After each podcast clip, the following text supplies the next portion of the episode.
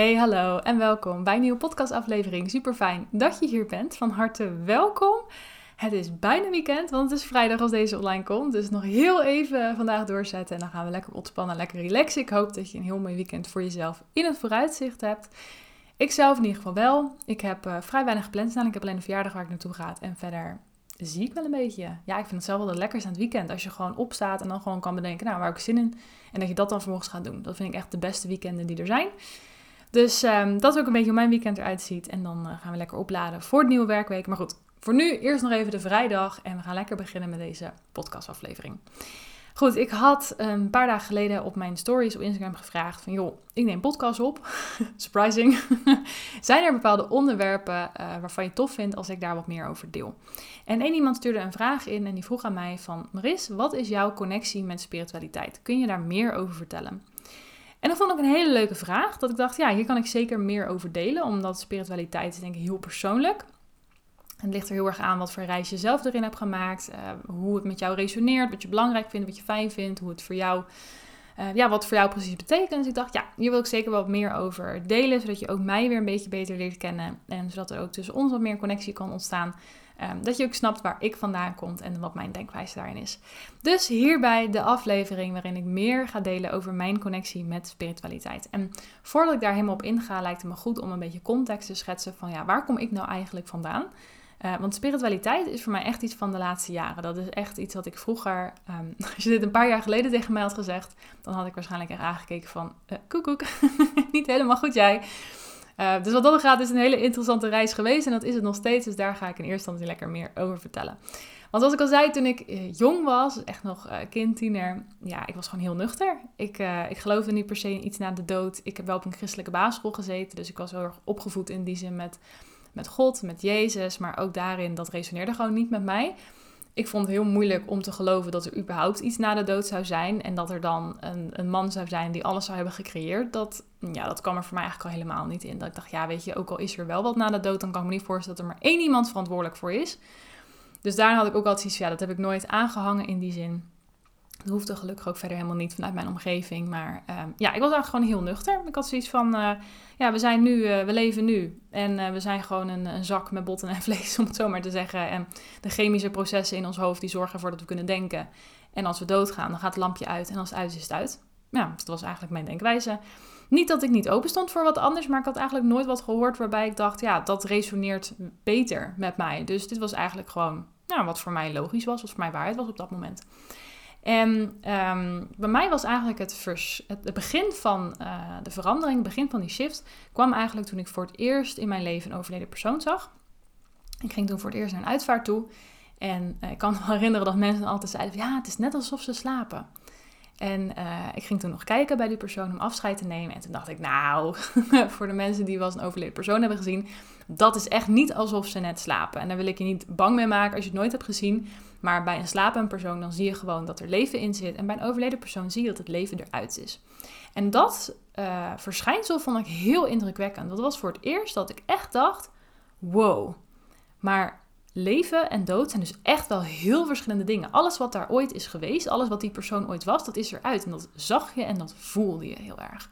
Het was echt alleen nog maar het omhulsel, het, het lichaam, het, ja, de manier waarop diegene zichzelf hier op aarde uh, heeft voortbewogen. Dat was het enige wat er nog was. Maar de persoon zelf, de essentie van die persoon, die was weg. En dat zag ik toen heel duidelijk.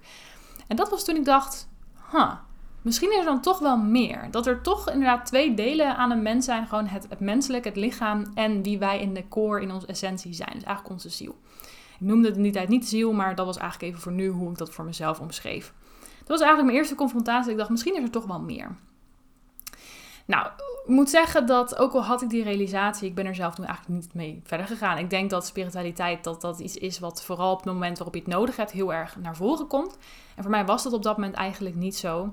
Um, wel merkte ik dat ik steeds meer dingetjes een beetje begon te zien. In de zin van, op een gegeven moment toen overleed onze hond. Dat was een hond die ik al mijn hele jeugd eigenlijk heb gekend. En um, dat was op, precies op de dag dat ik mijn afstudeerzitting had van mijn HBO-opleiding. Eh, en ze was toen in de ochtend overleden. Toen hebben we haar lichaampje weggebracht. En toen daarna, uh, toen we terugkwamen om nog spullen op te halen, ben ik daarna naar mijn school gegaan voor mijn afstudeerzitting.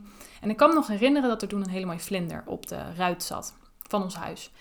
En ik had toen mijn zitting gehad, ik was geslaagd, was allemaal gelukt. Nou, tranen met uit, al die stress en spanning kwam natuurlijk los. En ik kwam terug en die vlinder zat er nog steeds. En op het moment dat wij uh, terugkwamen, toen vloog hij weg. En dat voelde voor mij meteen als zoiets van... Ze heeft even gekeken of alles is goed gekomen. En terwijl ik dat zeg, krijg ik ook meteen kippenvel over mijn arm van... Ja, dat was inderdaad zo. Dat was eigenlijk toen ik dacht, hmm, oké, misschien is er toch wel meer tussen hemel en aarde. En dat was een beetje toen het begon te integreren bij mij. Ik kreeg meer interesse in dat stukje onderbuikgevoel ook. Want toen ik dat opmerkte, dan merk, krijg er ook al snel de vraag van mensen: ja, maar hoezo denk je dat dan? En dan is het even, ja, dat weet ik eigenlijk niet. Dat, ja, dat weet ik gewoon. Het zit gewoon in mijn, het is gewoon een gut feeling in die zin. Ik kan het niet verklaren, ik kan het niet bewijzen in die zin. Het is gewoon een gevoel, echt intuïtie dat hele stukje intuïtie sprak mij heel erg aan. En toen ben ik uh, uiteindelijk een cursus ook gaan doen op stukje intuïtie. Omdat, ja, weet je, kijk, uiteindelijk intuïtie is iets wat we allemaal hebben. Daar geloof ik heel sterk in. Het is iets waar je soms de connectie weer even wat meer mee moet aanhalen. Het is niet iets wat je kan verbreken. En dat was voor mij echt een moment om daar even mee kennis te maken. Van ja, wat is dat nou eigenlijk? En wat ik mezelf ook altijd heb voorgenomen met dat soort dingen is, als ik aan zoiets nieuws begin, dan ga ik er gewoon al in. Ik heb als iets, joh, baat het niet, schaadt het niet. Dus dan ga ik ook alle overtuigingen die ik heb voorbij en dan ga ik gewoon helemaal al in in zo'n online training en dan ervaar ik gewoon wat het voor mij brengt. En ik merkte toen dat mijn intuïtie dat dat eigenlijk al iets was wat ik al heel mijn leven uh, met me meedroeg en wat ook op verschillende momenten al naar voren was gekomen en me ook heeft geholpen. Hè, momenten dat je dingen toch aanvoelt komen. Of het moment met die vlinder. Het waren toch dingen die er al zaten, alleen die ik zelf nooit erkend had als... hé, hey, dat is mijn intuïtie die tegen mij spreekt. En dat is dus nou, meer gelinkt aan het spirituele vlak. En doordat ik dingen dus meer in de praktijk ging opmerken, merkte ik dat het meer ging integreren. En toen ben ik het eigenlijk meer voor mezelf gaan onderzoeken. En um, zoals ik wel denk, wat ik ook zei met spiritualiteit, is dat op een gegeven moment dan zijn er bepaalde gebeurtenissen in je leven waardoor je een soort van erop gedwongen wordt om ook een andere point of view eigenlijk aan te nemen. Dat ik merkte toen, ik wou toen een bedrijf starten en ik heb in eerste instantie gekeken naar paardensportmasseur. Hebben we ook nog gedaan. En ehm, nou, toen ik dat wou doen eigenlijk, toen uh, kwam corona, toen werd alles gecanceld. En het hele plan dat ik had, viel voor mijn gevoel helemaal in duigen. Alle plannen, alle ideeën, alle dingen, dat, dat kon toen in mijn optiek niet meer doorgaan. Want ook de opleiding die ik zou gaan doen, ging niet door. En ik voelde toen echt ja, alsof ik in een soort van zwart gat viel. En ik zag daar gewoon vanuit logisch beredeneren, zag ik daar geen way out. Ik had zoiets van, ik weet gewoon niet wat ik nu moet doen. Gewoon logisch nadenken werkte op dat moment voor mij niet. En toen ik dat merkte, dacht ik: oké, misschien moet ik dan over een andere boeg gooien en moet ik misschien gaan kijken naar de andere kant van denken. En toen heb ik voor mezelf een uh, sessie paardencoaching geboekt om vanuit de dieren iets ja, te krijgen, te horen, te, te gespiegeld te krijgen. In ieder geval inzicht, helderheid. Dat wilde ik heel graag. Dus dat heb ik uiteindelijk gedaan. Dat is me super goed bevallen. Was een hele mooie sessie, heel confronterend. En um, ja, daar heb ik ook heel veel geleerd ook over hè, wat is er nog meer, dat we gesteund worden. En ik merkte wel op dat moment dat ja, het voelde voor mij nog een beetje als een vaag concept. Ik kon dat nog niet helemaal laten landen, maar ik kan wel zo achteraf stellen dat daar zijn echt wel zaadjes bij mij geplant die ik heb meegenomen en die met de tijd door eigenlijk zijn ontwikkeld. En ik merk dat ook dat dat soort stukken nu steeds meer terug begonnen te komen in de, in de praktijk. Want op een gegeven moment in mijn baan in loondienst toen merkte ik dat dat voor mij niet werkte. Ik ben toen ook een tijdje uitgevallen uh, met stressklachten. Ik heb heel veel met een psycholoog gesproken. En toen uiteindelijk heb ik besloten om uh, mijn baan op te zeggen. En dus ook fulltime te gaan ondernemen uiteindelijk. En nou, dat voelde gewoon supergoed. Dat was voor mij ook het eerste moment dat ik echt puur en alleen vanuit gevoel de keuze heb gemaakt van... ik ga dit gewoon doen. Want ik gaf alle zekerheid op. Ik had een vast contract, ik had een goed salaris, ik had een fijne auto en een koophuis.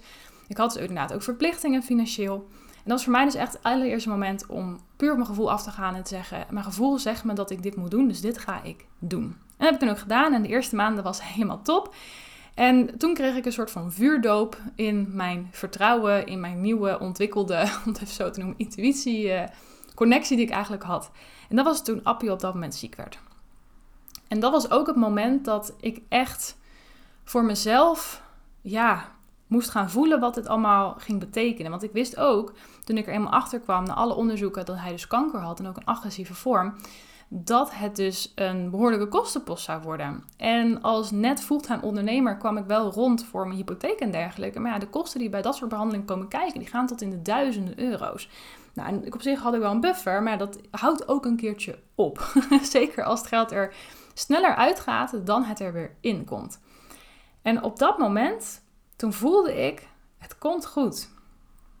Ik had totaal geen reden om te denken dat het goed zou komen, maar toch wist ik, het komt goed op de een of andere manier. En dat heeft het ook gedaan, want op het juiste moment kwam er een ZTP-klusje voor mij voorbij.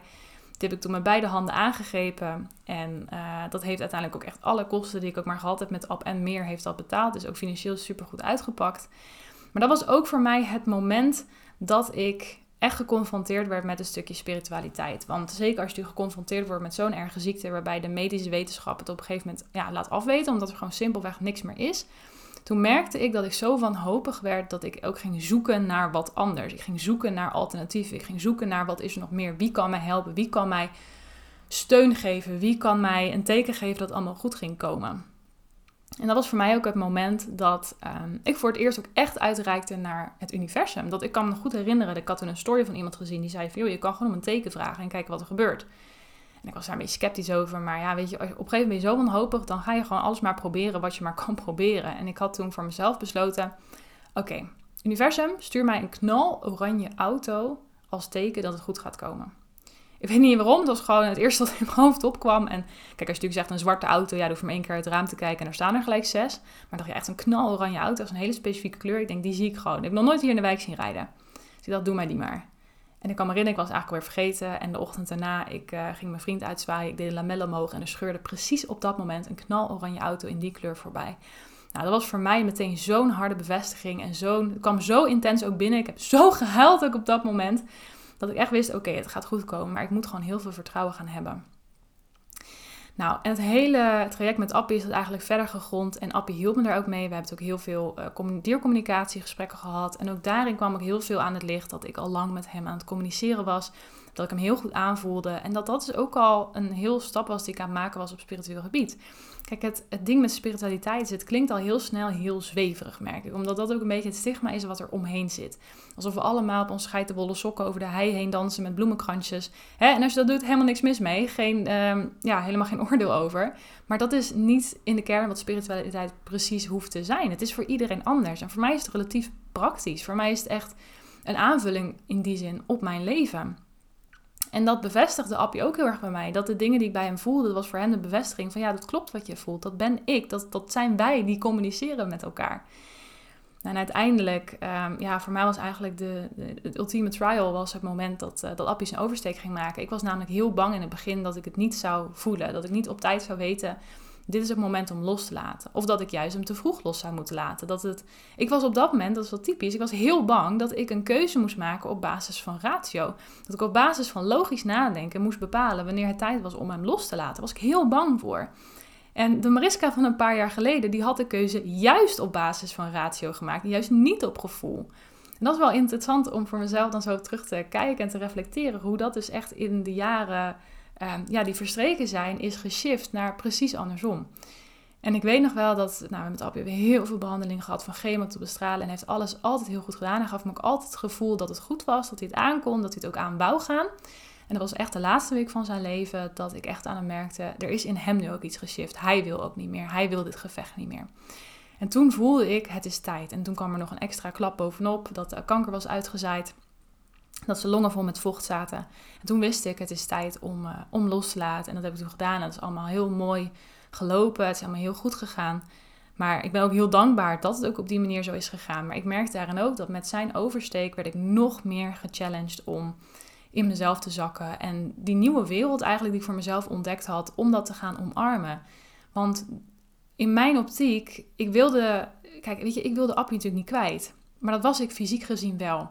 En voor mij was de enige manier om contact met hem te houden, was om het niet-fysieke en het spirituele in die zin te gaan omarmen. Dus voor mij zat er ook ineens noodzaak achter om die sprongen te gaan zetten. Want ik wou nog steeds contact met hem. Ik wou hem niet kwijt. Ik wou nog steeds het gevoel hebben dat hij bij mij was. Dus dat is denk ik ook mee wat ik in het begin zei. Dat ik denk dat zeker met het spirituele vlak, als je net zoals ik van een hele nuchtere basis afkomt, dan is er op een punt in je leven is er ineens noodzaak. Er is ineens een moment dat je of de wanhoop nabij bent, wat ik had met die oranje auto, of dat je ineens het iets hebt van ik ben hem kwijt, ik wil hem niet kwijt, ik wil hem bij me voelen.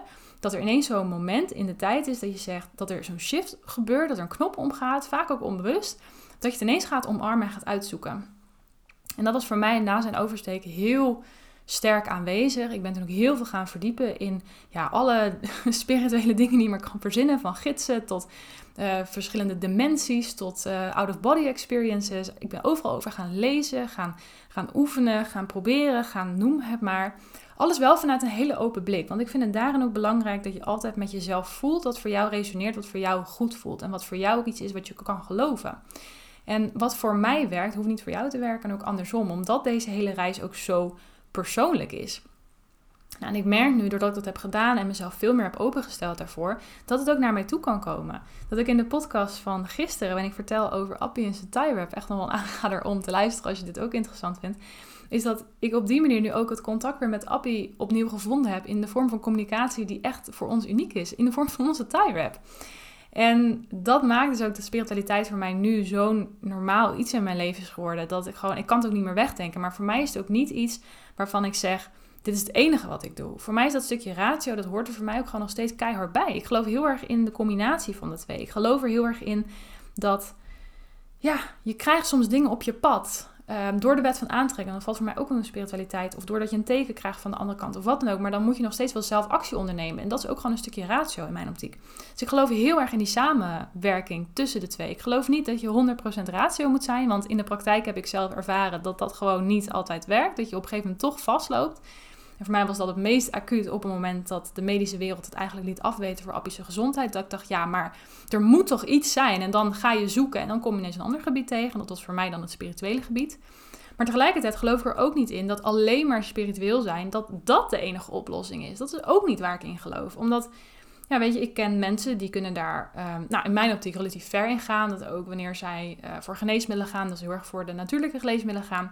En zeker, ik geloof heel erg in homeopathische geneeskunde. Ik geloof ook zeker dat um, er heel veel middelen zijn die heel goed kunnen werken. En dat je helemaal geen ibuprofen bijvoorbeeld hoeft te slikken, maar dat je ook voor een natuurlijke oplossing kan gaan. Geloof ik absoluut. Maar op het moment dat jij met een slagadelijke bloeding op straat ligt, dan ga je geen lavendelspray sprayen. Het even heel um, bot zo te zeggen. Dus in die zin geloof ik heel erg in de combinatie tussen zowel het spirituele als gewoon het hele rationele, het hele praktische, het hele gewoon dingen doen. En dat is uiteindelijk voor mij ook uh, ja, hoe mijn connectie met spiritualiteit is. Ik merk wel dat ik iets meer neig naar het spirituele op dit moment. En ik denk dat dat ook komt vanwege het gemis van Ab. En toch dat ik daar meer voorrang aan geef. Maar ik verlies mijn ratio daarin niet uit het oog. Ik kijk ook altijd wel gewoon logisch na naar bijvoorbeeld een bepaalde keuze. Op het moment dat ik dit doe, breng ik mezelf dan in een bepaald risico. Bijvoorbeeld ook bedrijfsmatig. Als ik bijvoorbeeld een bepaalde investering wil doen, dan kan de investering heel goed voelen. Ik kan misschien allemaal signalen ontvangen waarbij ik denk, hé, hey, dit voelt goed. Maar tegelijkertijd kijk ik ook nog wel altijd in mijn hoofd van, oké, als ik dit doe, loop ik dan een financieel risico dat ik bijvoorbeeld een bepaalde rekening niet kan betalen? Of heb ik iets over het hoofd gezien? Of hè, dat kijk ik altijd even na. En mijn ervaring is ook wel dat wanneer het heel goed voelt, dat dat meestal ook gewoon goed zit, dat het ook goed komt. Maar ik hou erin wel altijd de connectie tussen de twee gebieden. En dat is voor mij gewoon het belangrijkste aspect met dit hele spirituele deel. En ja, weet je, dat vind ik ook wel heel leuk dat dit zo in de loop der jaren eigenlijk gegroeid is. En als je dan zo terug gaat kijken, dat er een soort van pinpoints in de tijd waren die dusdanig indruk hebben gemaakt, waardoor dat weer een soort van is getriggerd bij mij. Uh, waardoor het ook weer tot leven is gekomen in die. Tenminste, tot leven niet weer tot uiting is gekomen. Want ik geloof er ook in dat dit de gebieden zijn die we allemaal in ons hebben zitten. Alleen bij de een is het van nature al meer ontwikkeld, meer aanwezig, meer genurtured eigenlijk dan bij de ander. Waardoor de een spiritueel gezien verder is tussen haakjes in onze ogen en de ander nog aan het begin van de reis staat. Maar uiteindelijk kunnen en hebben we het allemaal. Ook met een stukje dierencommunicatie. Heel vaak zeggen mensen van Maris, ik wou dat ik dat ook kon. Nou, dan wil ik niet zeggen dat ik er eh, heel goed in ben. Ik ben er ook echt nog een absolute beginner in. Ben nog heel erg zoekende in, is mijn gedachte, zijn gedachte, wat is het precies? Maar uiteindelijk, we kunnen het allemaal, want het zit er al lang. Het zijn de tools en de, de handvaten die we allemaal vanaf onze geboorte hier op aarde hebben meegekregen. Nou, en ik merk daarin ook dat wanneer je echt in die wereld gaat duiken, dan ga je ineens zoveel dingen zien en meemaken dat je het ook gewoon niet meer kan ontkennen voor jezelf. Er gaat dan echt een soort van nieuwe wereld voor je open. Zo voelde het voor mij. Want ik kwam echt vanaf een hele nuchtere, down-to-earth, twee hakken in het zand uh, wereld, om het zo maar te zeggen. Dus voor mij voelt het echt alsof ik er een nieuwe wereld bij heb gekregen. Die juist heel mooi aansluit op de huidige wereld. Ik geloof er in die zin ook niet per se in dat als we overlijden dat we echt naar een soort van hemel of iets dergelijks gaan. Of dat we echt, nou even figuurlijk gezien, vanaf een wolkje naar beneden kijken. Ik geloof erin dat het fysieke en het niet-fysieke nog steeds onlosmakelijk met elkaar verbonden zijn. Dat ze ook nog steeds, ook in onze wereld in die zin zijn, maar dat er gewoon een soort van sluier tussen zit, waardoor we ze niet per se zien. Maar dus wel dat we ze kunnen voelen. En dat is ook de reden dat we ze kunnen voelen, omdat ze er ook gewoon nog steeds letterlijk zijn. Dat is uiteindelijk waar ik in geloof. Dus dat is eigenlijk ook hetgeen wat ik heel graag in deze aflevering um, ja, met jou wou delen. Gewoon mijn reis richting de spirituele kant. Ook wat het voor mij betekent. Ook hoe ik het voor mezelf toepas. Dus voor mij is het echt in samenwerking met een stukje ratio. Maar ik merk daarin wel de laatste tijd dat het spirituele dat dat wel iets meer de overhand krijgt. Vooral omdat er zoveel moois te zien is op het moment dat je ervoor open gaat stellen. Maar voor mij zal het stukje ratio er ook altijd zijn. Zal er ook altijd blijven. Omdat ik gewoon zo geloof in de kracht van allebei. Ik geloof hetzelfde met de wet van aantrekking. Als jij natuurlijk een, bepaalde, eh, bepaald iets wil manifesteren. Als jij een bepaald verlangen hebt. Dan is het natuurlijk belangrijk dat je het verlangen uitzendt. Dat je erop vertrouwt dat het gaat komen. Dat je gaat onthechten dat het naar je toe kan komen. Maar op het moment dat het naar je toe komt. Dan moet je ook wel actie erop ondernemen. Een beetje het idee van... Um, nou, noem even heel random. Zeg je wilt een miljoen ja, op het moment dat je zegt ik wil een miljoen en ehm, je gaat alleen maar liggen op bed en wachten tot uh, de postcode loterij zo langskomt, ja, ik verwacht dat die kans niet heel erg groot is.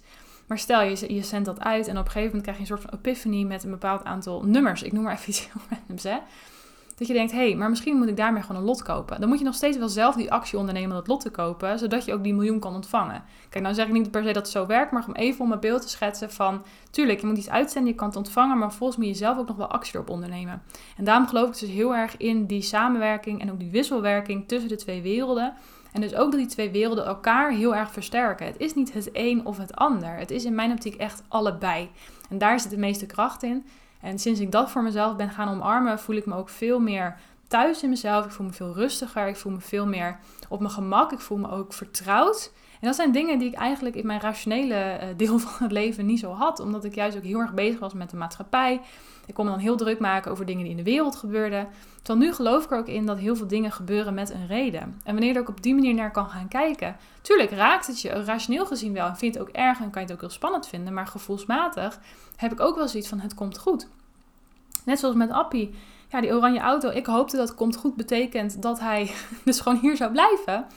Maar uiteindelijk ehm, is het ook goed gekomen op die manier. Want we hebben hele mooie maanden samen nog gehad. Het is ook totaal geen leidensweg in die zin geweest. Want op het moment dat het die kant op zou gaan, toen hebben we ook afscheid genomen. Zodat hij nooit en de nimmer heeft hoeven lijden.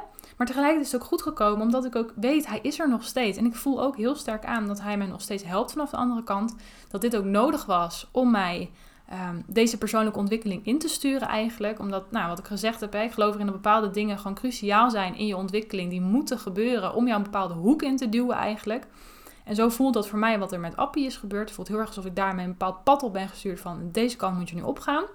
Ik geloof er dan ook in dat Appie mij op dit moment nog steeds heel erg steunt. Dat hij me nog steeds begeleidt in dit nieuwe proces eigenlijk. Dit proces van hem. Het integreren van alles wat ik heb geleerd. Wat ik aan, nog steeds aan het leren ben. Wat ik nog steeds aan het ontwikkelen ben. En ik geloof er dus ook in dat op het moment dat het bij mij is geïntegreerd, dat het dan ook weer mogelijk is dat Appie naar mij toe terugkomt. Want ook daar geloof ik in. Ik geloof ook in nou, reïncarnatie in die zin. En we doen het ook in die zin met z'n allen. En in die zin zijn we dus ook met z'n allen met elkaar verbonden. En toen ik die voor mezelf ook meer ging voelen, kon ik ook met veel meer compassie naar de mensen om mij heen kijken. Ik laat me niet zo snel meer ja, opfokken door wat andere mensen doen of zeggen. Omdat ik meteen zoiets heb van, oh, nou, daar heeft iemand blijkbaar nog voor zichzelf de ontwikkeling. Weet je, alleen maar heel mooi eigenlijk. En op het moment dat het ook zo kan zien, dan kun je ook veel luchtiger naar de wereld kijken. En dat komt je ratio ook weer heel erg ten goede. Dus hè, nogmaals, ik zie het echt als die wisselwerking. Dat is uiteindelijk ook wat spiritualiteit voor mij is. Voor mij is spiritualiteit en de connectie daarmee is gewoon echt een aanvulling op mijn leven. Het is echt een aanvulling op wat er altijd al was. En dat vind ik gewoon heel mooi. En dat, ja, dat gun ik iedereen. En daarom wil ik er ook ja, graag meer over delen. Daarom deel ik hier ook meer over. Maar ik hoop ook door dit zo te schetsen dat Natuurlijk, voor sommige mensen kan dit een beetje wollig, een beetje zweverig voelen. En dat is helemaal oké, ook geen oordeel daar. Maar ik hoop ook door dit te delen dat je ook zelf daarin kan gaan kijken naar je eigen connectie met spiritualiteit. Van wat is het nou ook voor jou? Wat houdt het voor jou in? Want zoals ik al zei, voor mij is spiritualiteit het is niet per se geitenwolle sokken en zweverig en, en dingen. Natuurlijk, het kan wel. Ik bedoel, ik trek ook kaartjes, vind ik heerlijk. Dat ik even gewoon weer zo'n moment heb van, oh, dit heb ik even nodig en dankjewel voor de boodschap. En dan bedank ik ook de mensen aan de andere kant die dit voor mij hebben, uh, hebben gedaan dat op een gegeven moment toen... Um, had ik een boek gelezen en daar stond ook van, nou, we hebben allemaal een lichtteam. Nou, een lichtteam, dat is voor mij nog een beetje een concept waarbij ik een beetje sceptisch ben. Van, nou ja, dat is nog een beetje mijn nuchtere kant die daar dan heel erg zit. Van, is dat dan zo en wie dan en hoe dan? Kijk, dat Appie mij begeleidt, dat geloof ik, 100%. Maar dat er dan ook nog andere energieën zijn die echt er voor mij zijn, dat vind ik nog lastig te bevatten. En er stond ook van, ja, vraag ze gewoon om een teken. Dus ik had aan hun gevraagd om een L. En toen ging ik mijn kaartjes schudden en toen kwam er een vogel uit. En toen dacht ik, nou, moet ik een beetje gniffelen van... Uh, nou, bijna jongens, het is wel een vogel, maar het is geen L. En ik pakte kaarten op en mijn ogen viel op een kaartje. En daar geloof ik ook weer in. Op het moment dat iets echt ineens je aandacht trekt, dan is dat ook niet zomaar. En ik pak dat kaartje op en het is de L. dat voelde echt als een... Ik moest er echt een beetje om lachen. Dat ik dacht, nou, als ik inderdaad dat lichtteam heb... dan zijn het volgens mij ook wel een stelletje grappige mensen, energieën, dingen... Uh, die ook wel van een geintje houden in die zin. Dat past ook wel heel erg bij mij. Dus ook in die zin hou ik dingen ook voor mezelf luchtig, weet je. Ik denk dat dat ook heel belangrijk is met het concept. Hou het ook een beetje luchtig. Hou het voor jezelf behapbaar en blijf voor jezelf ook altijd inchecken van wat resoneert, wat voelt voor jou goed. Zo heb ik op een gegeven moment ook een keer een boek gelezen waarin ze het had over dat ze door acht dimensies reisden met out-of-body experiences. Nou kijk, een out-of-body experience, dat is ook wetenschappelijk aangetoond dat dat gewoon echt bestaat, dat dat bewezen is. Maar ik had zoiets ja, acht dimensies ja, dat vind ik dan persoonlijk zelf heel moeilijk te bevatten. Kijk, en ik zeg niet dat het niet zo is of dat zij het fout heeft of in die helemaal niet. Maar voor mezelf heb ik zoiets van: ik geloof erin dat we hier op aarde zijn. Dat is dan een dimensie. Ik geloof erin dat we een soort van ja, in-between-achtige staat hebben. Dus op het moment dat je overlijdt en je nog niet volledig los kan komen van het aardse, dat je een soort van zoekende bent nog aan de andere kant, dat je daarin komt.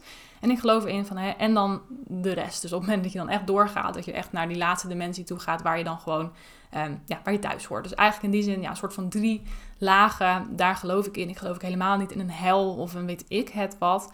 Ik geloof erin dat we hier ook allemaal zijn vanuit pure goedheid. Ik geloof er ook in dat iedereen aan de andere kant met ons pure goedheid voor heeft. En een hel, ja, dat is gewoon niet iets waar ik in geloof. Dat is niet iets waarbij ik denk, nee. En dat zijn natuurlijk ook weer de interessante vragen. Want dan stellen mensen ook eens de vraag ja, maar hoe zit het dan als jij in je leven hele slechte dingen gedaan hebt? Als je bepaalde uh, misdaden hebt begaan of iemand hebt vermoord of wat dan ook. En ook daarin geloof ik wel dat op het moment dat jij overgaat, dat jij sowieso de nou, soort van evaluatie van je leven krijgt. hoe is dat nou precies gegaan? En dat je ook echt nog wel een soort van karma-punten recht moet zetten voor wat je in het leven hebt uitgesproken. Daar geloof ik in. Ik geloof er niet in dat je wordt gestraft, dat je in een helfuur wordt gegooid, weet ik het wat. Of dat je ineens wordt, uh, wordt vernietigd. Daar geloof ik ook niet in. Maar ik geloof er wel in dat je dan weer terug moet naar aarde om dat soort dingen weer recht te gaan zetten. In een nieuw leven. En dat is in mijn optiek hoe het een beetje werkt. En dat is eigenlijk, uh, nou, een lang verhaal kort. Zijn denk ik bijna een half uur verder. Maar dat is hoe voor mij eigenlijk het, uh, hoe ik dingen nu ervaar, hoe ik over dingen nadenk. Hoe voor mij het hele spirituele eigenlijk tot stand is gekomen. En ook hoe mijn connectie met spiritualiteit nu is. En ik denk iets dat het ook iets wat vloeibaar is. Wat iets wat steeds met de tijd heen um, ja, een beetje wijzigt, bijstuurt. Dat je natuurlijk nieuwe dingen meemaakt, nieuwe dingen ervaart. En dat kan natuurlijk hè, een beetje alle kanten op gaan. Maar zoals ik al zei, voor mij is het echt, uh, spiritualiteit is gewoon een toevoeging aan mijn leven wat het al was. Het is geen vervanging, het is ook niks nieuws, want in theorie was er eigenlijk altijd al. Als ik al terugkijk, ja, weet je, een stukje communicatie met dieren. Ik deed het altijd wel onbewust, alleen ik zag dat niet als communicatie. Ik zag dat gewoon als, ja, maar ik ken mijn dier toch.